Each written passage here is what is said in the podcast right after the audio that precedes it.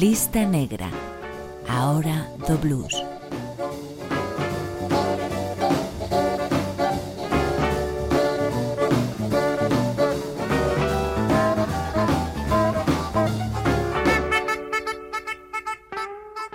Contan os libros de historia que o blues tivo tres reis soberanos, avalados por un apelido común que se traduce exactamente así. Bibi, Freddy e Albert King. Os tres están mortos xa, A Bibi e a Freddy xa lles dedicamos cada un seu episodio na lista negra e o bo de Albert terá que agardar aínda algunhas semanas máis porque hoxe este santuario do blues que abrimos cada semana en Radio Galega Música celebra o legado dun cuarto monarca do máis honesto dos xéneros musicais.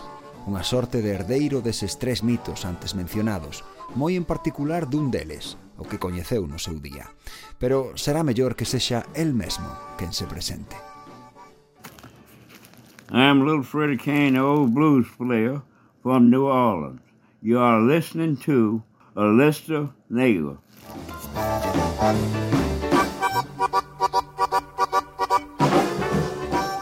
Sí, amigos, desde a Big Easy, a cidade dos Santos, a incomparable Nova Orleans, mandounos este saúdo Fred Eugene Martin en persoa, coñecido desde hai décadas como o máis difícil de matar, o sempre armado, o recolector de polos, o rasgador de cordas, o acaparador de espectáculos, o asaltante de trens en marcha, o paseador de gatos de pelexa, o mestre da electricidade, o rei do blues dos cubos de tripa, o gran coñecedor das mulleres, a súa Alteza Real, pero sobre todo como o pequeno Little Freddie King.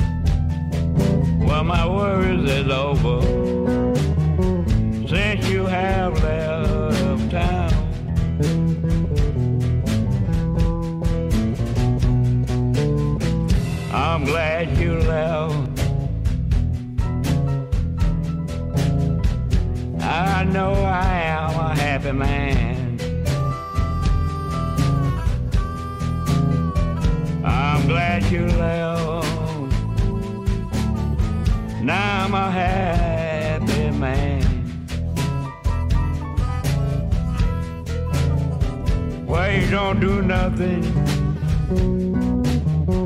but act crazy all the time?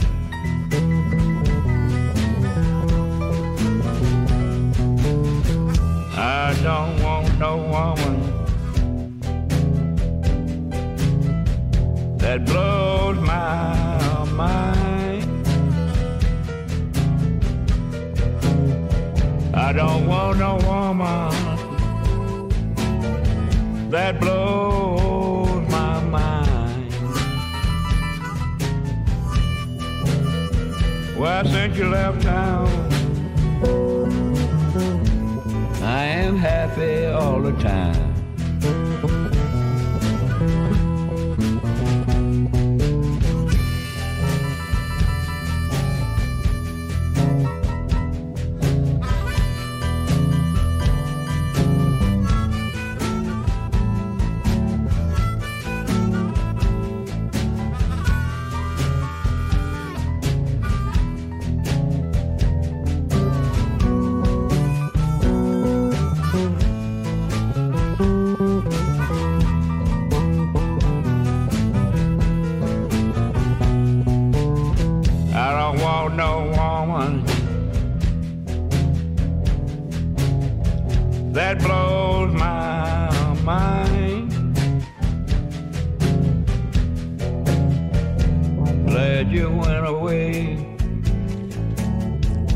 Now I'm happy all the time.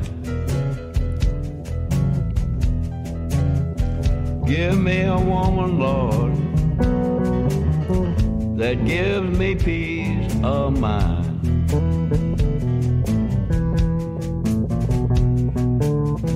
Give me a woman, Lord, that loves me all the time.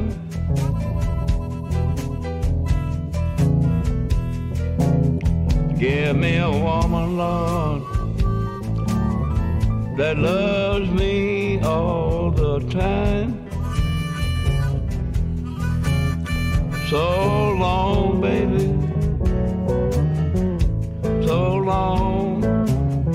Bye bye.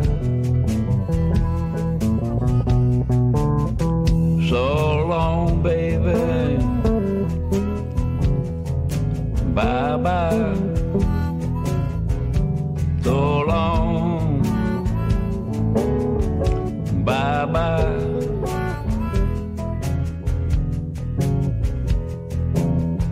So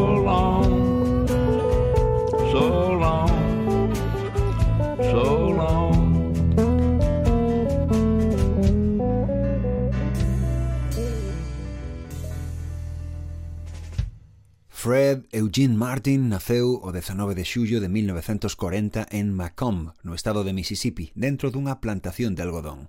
Sendo un neno, tiña que apañalo durante varias horas cada día para axudar ao seu pai despois de ser guerra ás 4 da madrugada. Despois aínda camiñaba varias millas ata chegar á escola. Ali aprendeu o básico, ler, escribir e botar contas, pero foi o seu vello quen lle deu os mellores consellos para se defender na vida. Non patees formigueiros se queres evitarte problemas e deixa mentir o can cando xa estea morto. Little Freddy quixo darnos a nós outras dúas recomendacións. Traballa duro, o teu premio chegará. E se tes que enviar un paquete non uses UPS porque, asegura, o que mandes chegará roto.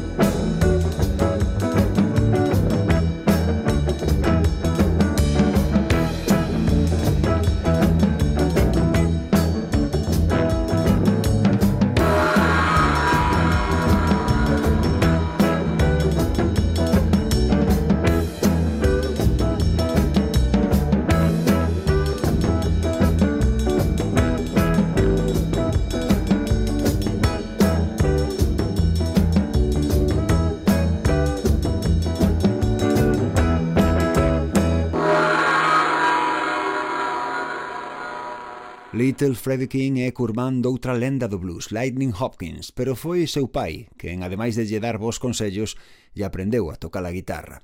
En 1954, aos 14 anos de idade, Little Freddie subiuse en marcha a un tren de mercancías, deixou a súa casa atrás para sempre e puxo rumbo a Nova Orleans. Ali se foi curtindo con actuacións en juke joints, os bares reservados á poboación afroamericana e tamén en pequenos clubs onde entrou en contacto con outros bluesmen, algúns oriundos de Luisiana como Slim Harpo ou Champion Jack Dupree e outros como Babe Stovall chegados como a el desde Mississippi.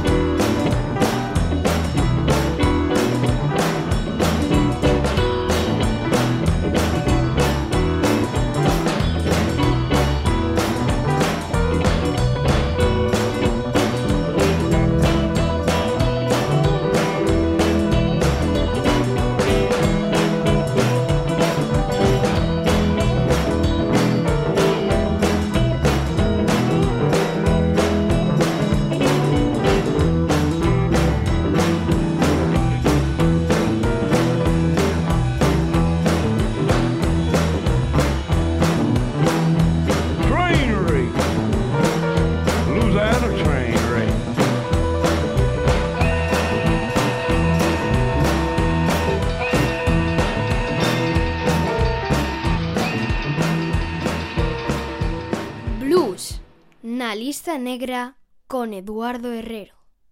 Seguimos na lista negra hoxe falando dunha lenda viva, Little Freddy King, un auténtico supervivente, un tipo curtido en mil batallas, entre elas tres tiroteos, varios acoitelamentos, dúcias de pelexas, múltiples visitas ao cárcere, algún accidente de bicicleta que lle causou danos severos na columna vertebral, unha electrocución accidental ou unha úlcera de estómago do tamaño dunha magdalena. Foi así case desde o primeiro día. En 1960, con apenas 20 anos, Little Freddy actuou seis noites seguidas nun antro de Perdido Street, chamado o Bassy B. Cando o dono lle pagou o rematar a semana, o músico díxolle que debía cambiarlle o nome ao local e chamalo de Bucket of Blood, o cubo de sangue. Cada vez que me subía ao escenario, alguén recibía un disparo, unha puñalada ou unha malleira. Mais de medio século despois, xa a piques de cumprir 80 anos, Little Freddie King lembraba aquelas noites nesta peza chea de samplers e de programacións, afastada do seu estilo canónico habitual, Mix Up Bucket of Blood.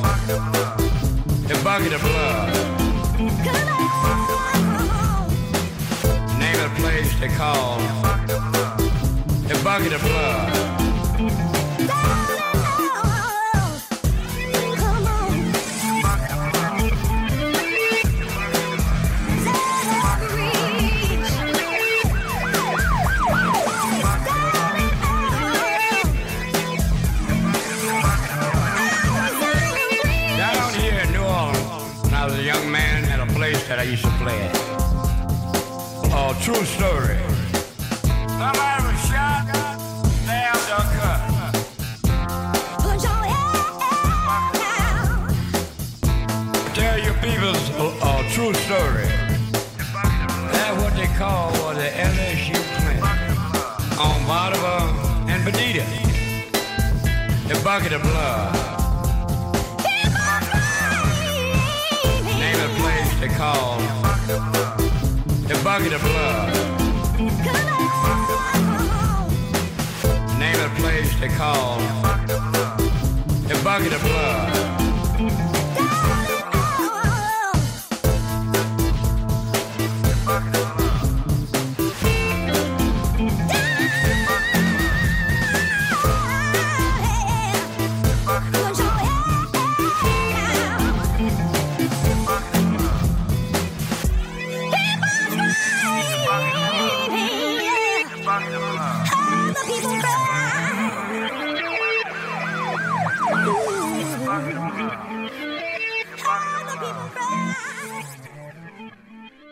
marxe de excentricidades puntuais como a peza que acabas de escoitar, Little Freddie King mantívose sempre fiel ás súas orixes, o estilo country blues do Delta.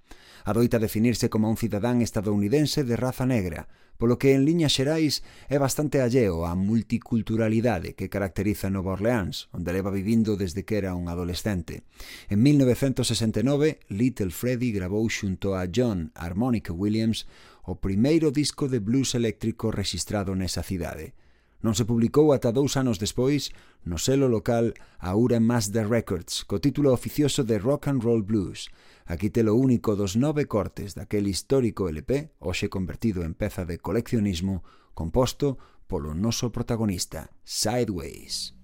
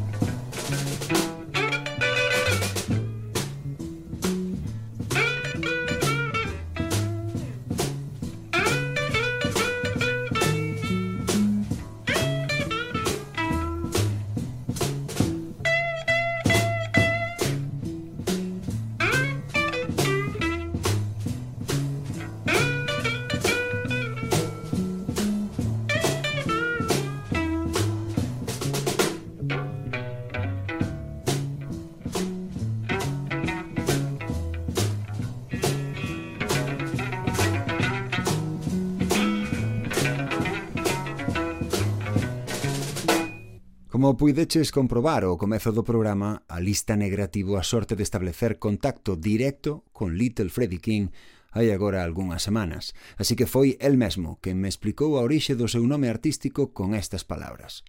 Coñecín o gran Freddy King a finais dos anos 60. Eu daquela bebía moito, demasiado, sobre todo nun bar que había ao pé do meu apartamento.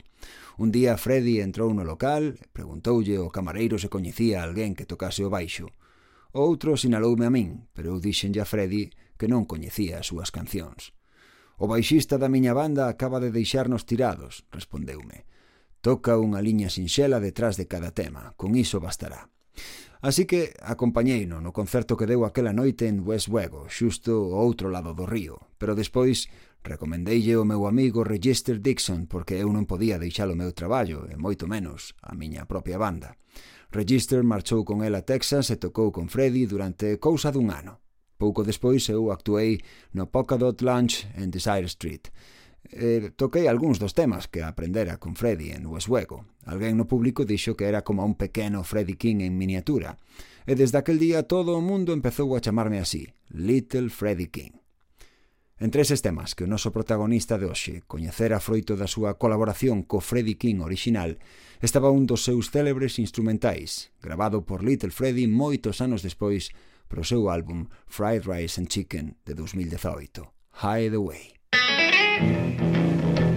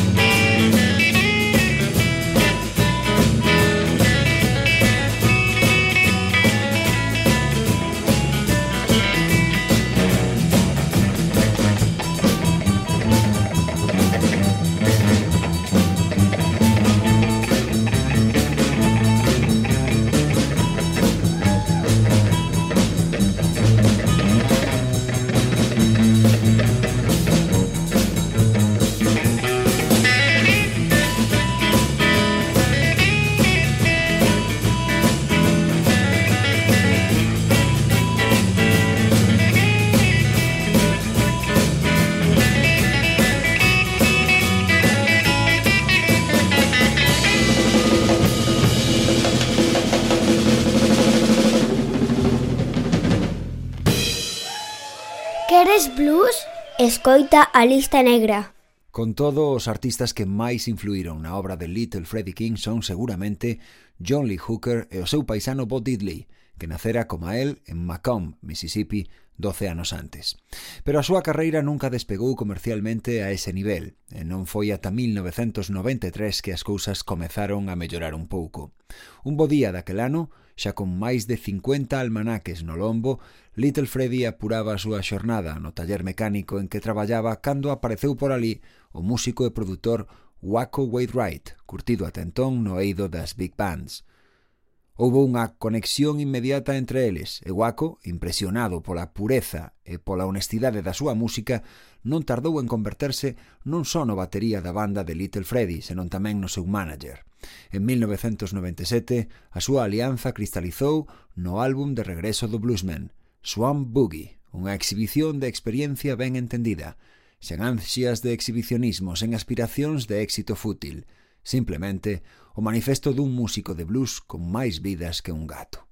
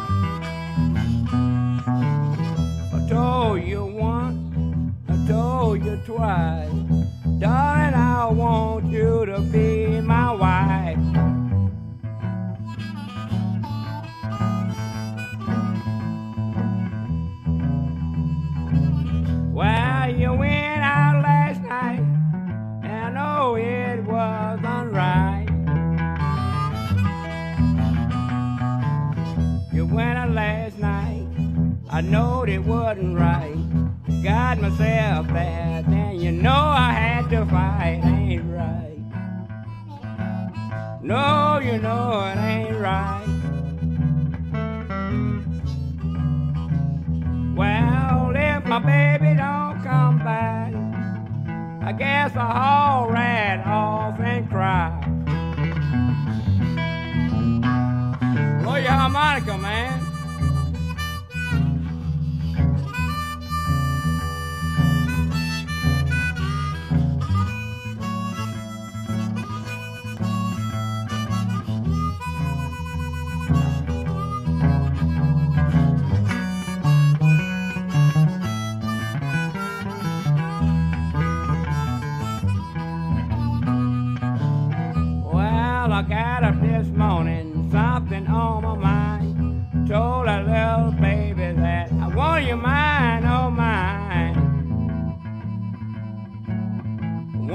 All for myself. Well, if you ever, ever, ever leave me, I'm gonna haul right off and cry.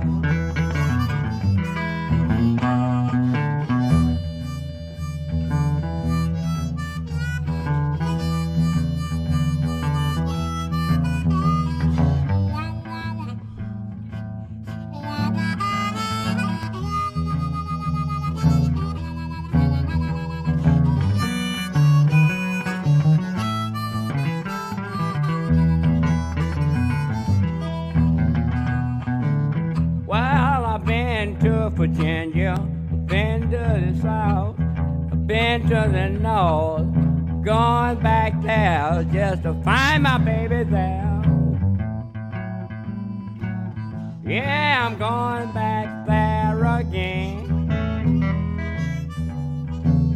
Well, if I don't find my baby, I'm gonna haul right off and cry.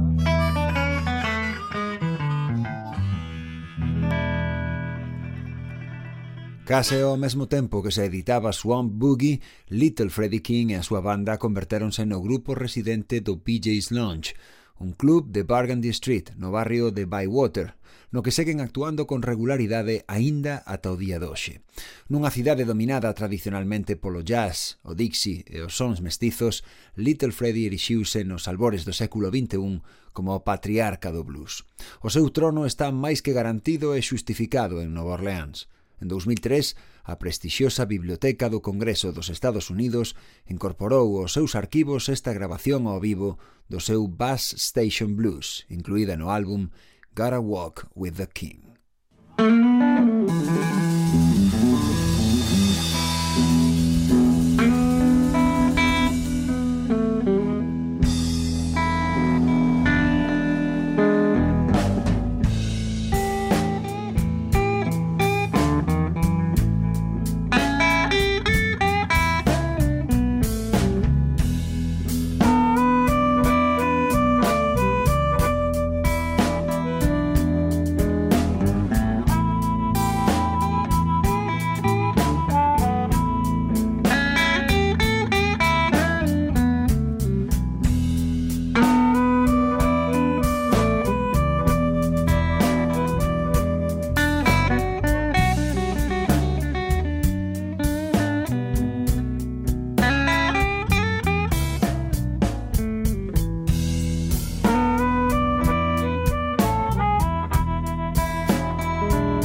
Yeah, I'm going down to the ground bus stage. Wait till my baby come on home to me.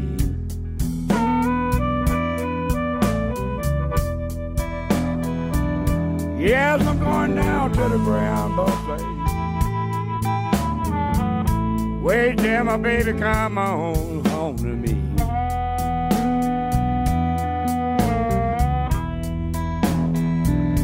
Yeah, when that bus rolled in, my baby was not on that bus.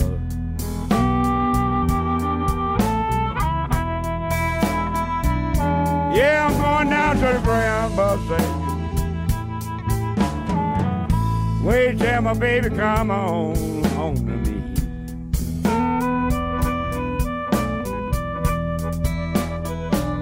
Yeah, I'm going down to the ground bus station. Wait till my baby come on home to me.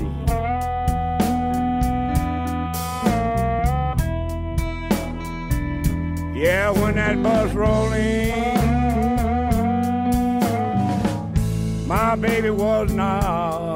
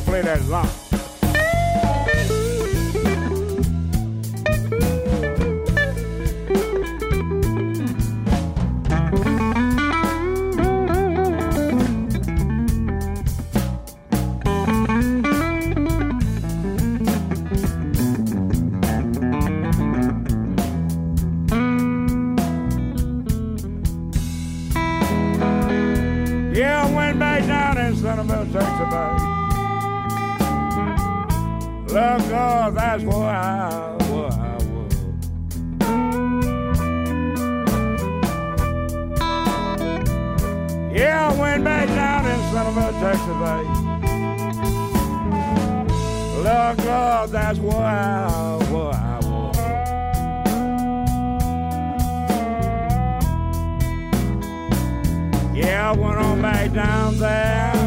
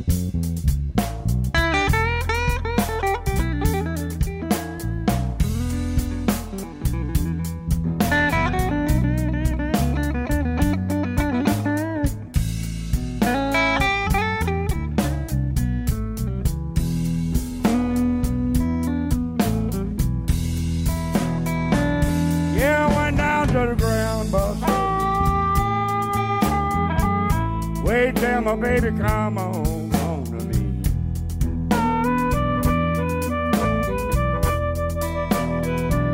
Yeah, I'm going down to the ground, boss. Wait till my baby come on, home to me.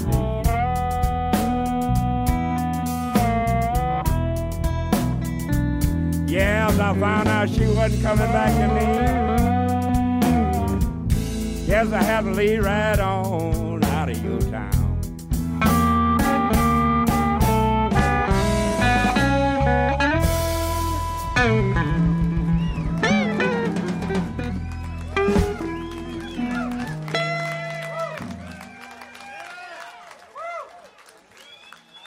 Thank you. A finais do verán de 2005, Little Freddie King tivo que volver comezar de cero unha vez máis cando o furacán Katrina azoutou Nova Orleans. As chuvias torrenciais deixaron Bayou St. John, o barrio en que vivía, literalmente somerxido baixo un manto de auga de máis de 3 metros e medio de altura. Little Freddy perdeuno absolutamente todo, empezando polas súas cinco guitarras. Eu estiven ali. Traballaba en Norteamérica naquela época e fun o enviado da CRTVG a aquel desastre natural. Podes crerme se che digo que a cidade era un escenario apocalíptico. En palabras de Little Freddy, que días despois regresou coa súa bicicleta en busca de algo que rescatar dentre os entullos, o máis arrepiante era aquel silencio absoluto. Tiñas unha sensación moi extraña, non se vían nin ratas, nin paxaros, nada. Todo estaba morto, como nun deserto. Como moitos outros evacuados, Little Freddy tivo que instalarse en Dallas, onde permaneceu os dous anos e medio seguintes. Na urbe texana, pragada de autoestradas e de circunvalacións, Sentiuse un extraterrestre, ata o punto de que moitas fins de semana collía un autobús ata Nova Orleans para tocar no BJ's Lounge, milagrosamente intacto tras o paso do furacán.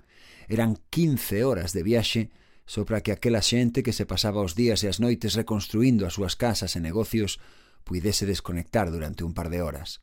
Moitos viñan aínda con pintura na roupa e escaiola nas mans. Little Freddy grabou o seu seguinte álbum a medias con Alabama Slim, o músico e amigo co que compartía teito naquel exilio forzoso. Titulouse The Mighty Flood, o enorme diluvio.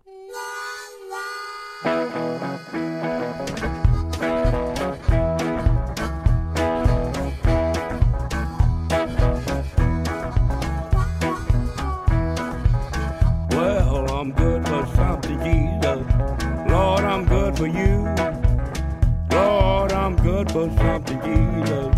Lord, I'm good for you. Well, I'm good for something, Jesus. Lord, I'm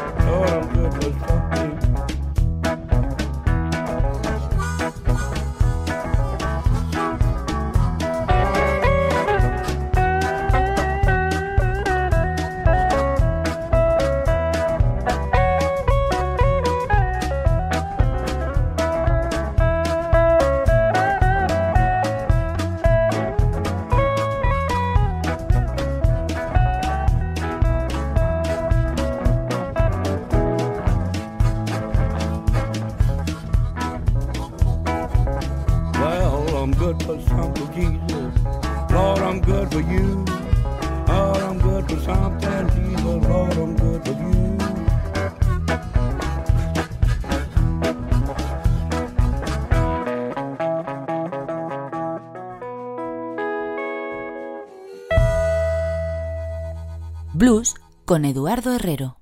Blues na lista negra. Desde o seu regreso definitivo ao Nova Orleans, Little Freddie King vive na Musicians Village, unha residencia habilitada para os artistas que perderon a súa casa por culpa do furacán Katrina.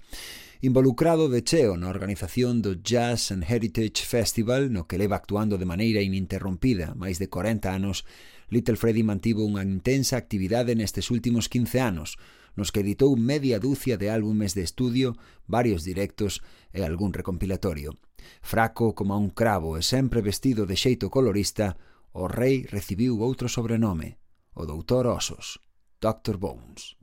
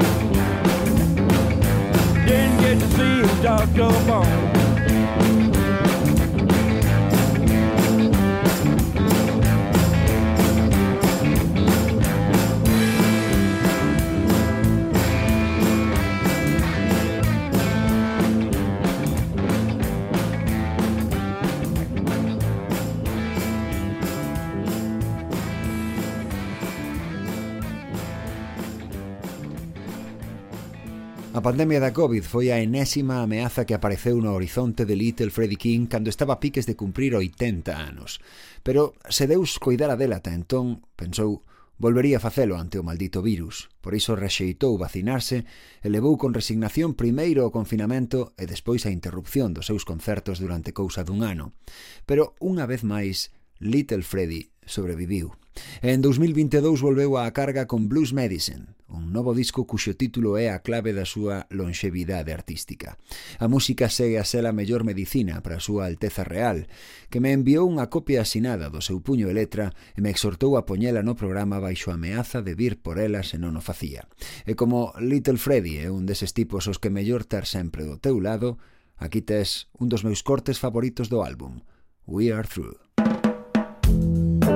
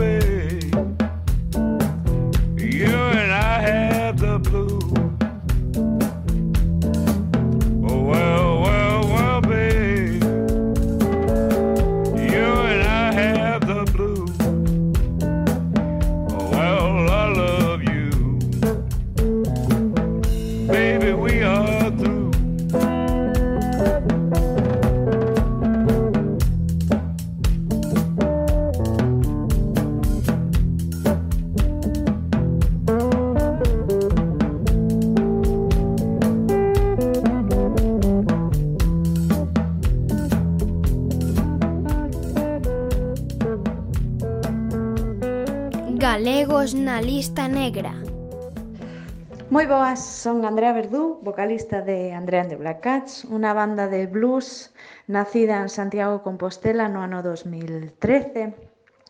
E, bueno, presentamos este tema que se chama Don't Wait For Me, un tema propio que mm, gravamos eh, do cal tamén fixemos un videoclip no 2019 e ven a falar de, bueno, deses momentos cando toca abandonar o nido familiar, o noso núcleo para poder facer o noso propio camiño, a nosa propia familia e, bueno, pois esperemos que vos agra a guste e nada, nos vemos nos directos eh, apertas e un saúdo.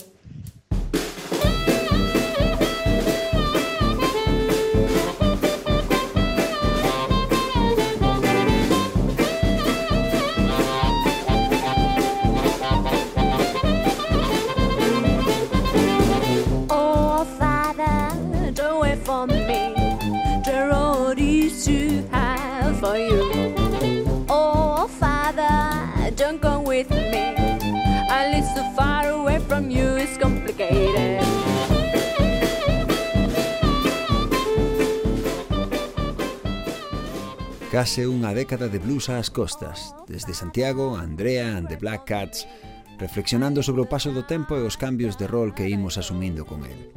Con blues galego remata, como sempre, a lista negra, pero podes recuperar o episodio doxe e todos os anteriores en radiogalegapodcast.gal, Spotify e iVox. Tamén deberías visitarnos en Facebook e Instagram. Eu son Eduardo Herrero e non has tardar en volver saber de min. Lembra que cando xa non quede nada, o blues seguirá ahí. Oh, father, me. The road is too for you.